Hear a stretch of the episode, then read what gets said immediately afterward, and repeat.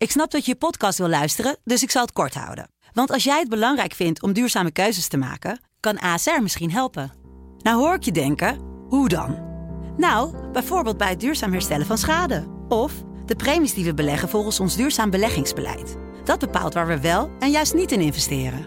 Wil je meer weten over welke duurzame keuzes ASR maakt? Ga dan naar asr.nl slash duurzame keuzes. ASR doet het. Zo, dan kan je nu lekker naar je podcast luisteren.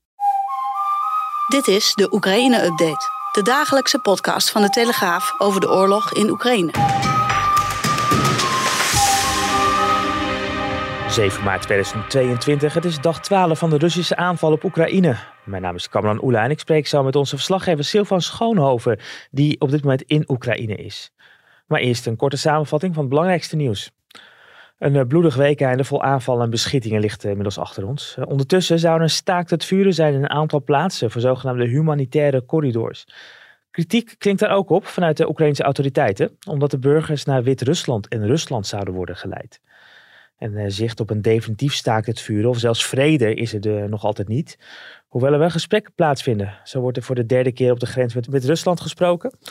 Volgens Turkse media gaan donderdagavond de Oekraïense en Russische ministers van Buitenlandse Zaken met elkaar in gesprek in Turkije. En ondertussen zijn er ook al honderdduizenden vluchtelingen onderweg of aangekomen in de Europese Unie via Polen, Hongarije, Roemenië. Het eh, aantal vluchtelingen in Nederland valt op dit moment nog mee, maar zowel de overheid als individuen zijn volop bezig om voorbereidingen te treffen om opvang te garanderen. De verwachting is dat de komende weken er duizenden, zo niet tienduizenden Oekraïners naar Nederland zullen komen. Ergens tussen Lviv en Ternopil in is onze verslaggever Silvan Schoonhoven. Silvan, je bent nu zo'n uh, anderhalf week rond de Pools-Oekraïnse grens geweest en nu ook alweer een aantal dagen in Oekraïne zelf. Uh, waar ben je op dit moment? Ik zit nu in een taxi die op weg is van de plaats Ternopil naar Lviv. En we staan nu enorm vast voor een, voor een hele lange file, waarschijnlijk voor een van de vele checkpoints die hier zijn ingericht. Hè. Echt controlepunten met uh, zandzakken en uh, schietgaten en uh, die grote metalen constructies tanks tegen te houden.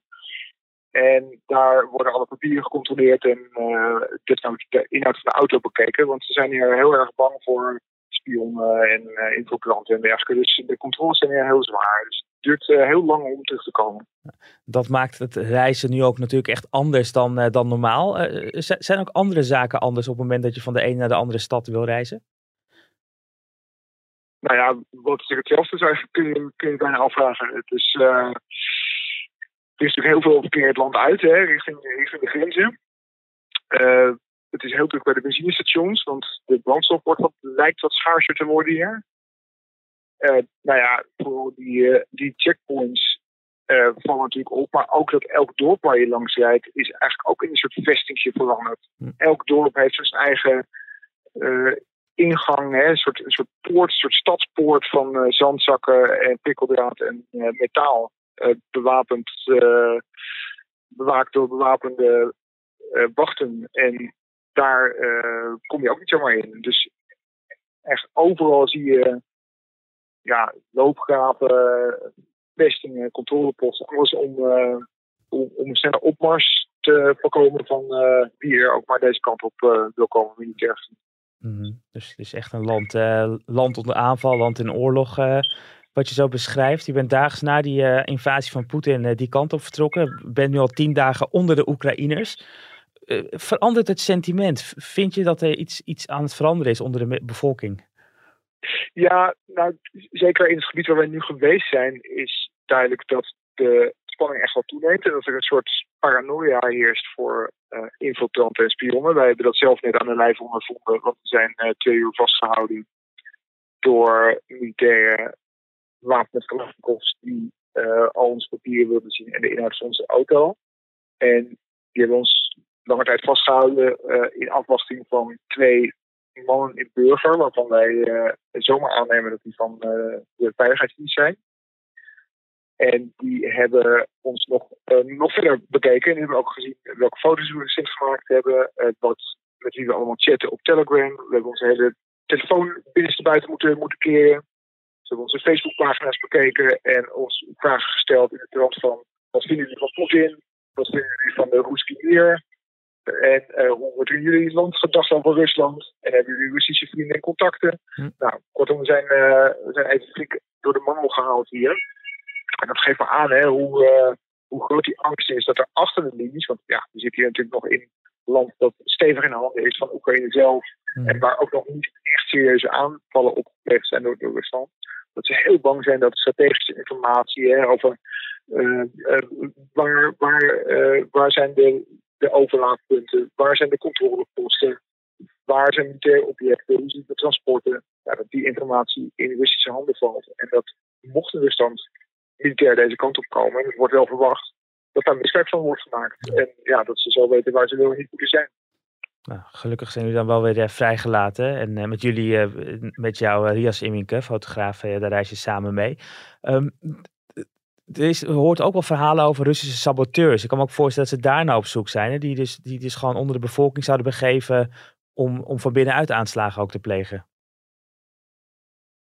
Ja, kijk, het is, het is natuurlijk een soort verzamelnaam voor allerlei, uh, ja, allerlei spijs waar ze nou op zoek zijn. Hè? Dat zijn saboteurs die inderdaad dingen, uh, dingen klaarmaken of uh, zorgen dat die, dat, dat die op een of andere manier werken of mensen die alleen maar informatie doorgeven. Ja, beide is natuurlijk heel schadelijk voor de kracht van de verdediging. En ja, van die, van die kracht van de verdediging moet dit land natuurlijk juist nu hebben.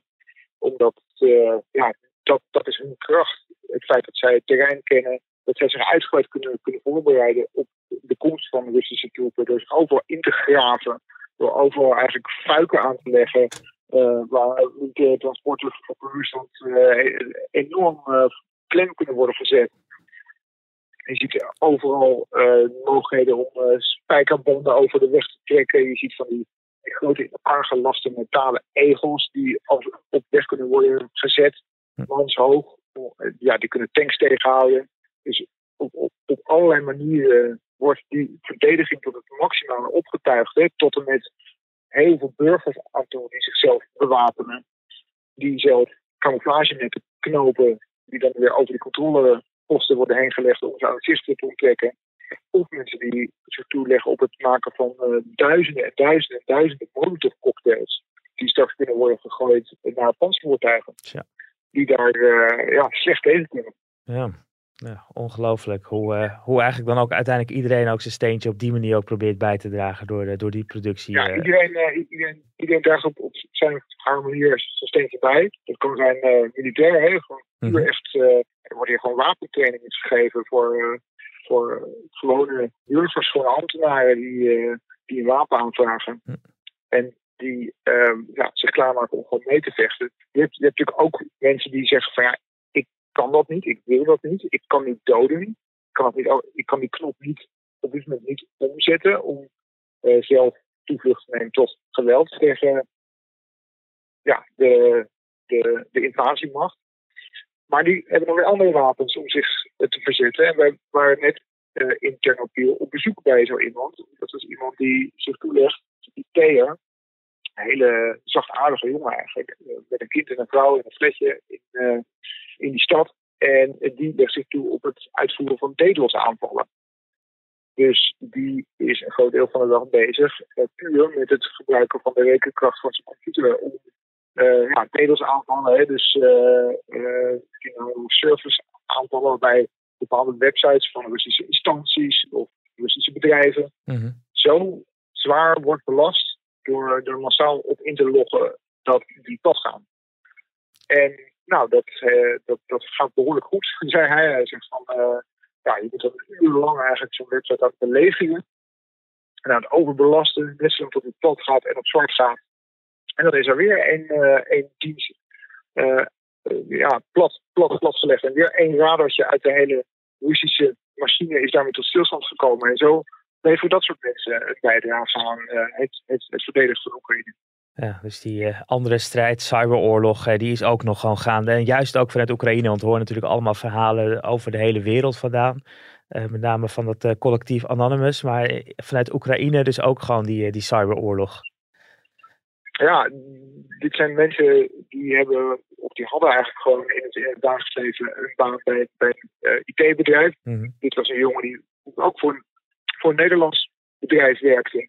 gewoon een, gewoon een ontwikkelaar of een, of een, programmeur of een Java-specialist. Gewoon een hele simpele, hè, helemaal niks, niks geheimzinnigs of offensiefs of zo. Dat zijn gewoon hele normale IT-jongens. Die denken van nou, waar ben ik goed in? Kan ik goed schieten? Nou, nee, niet echt.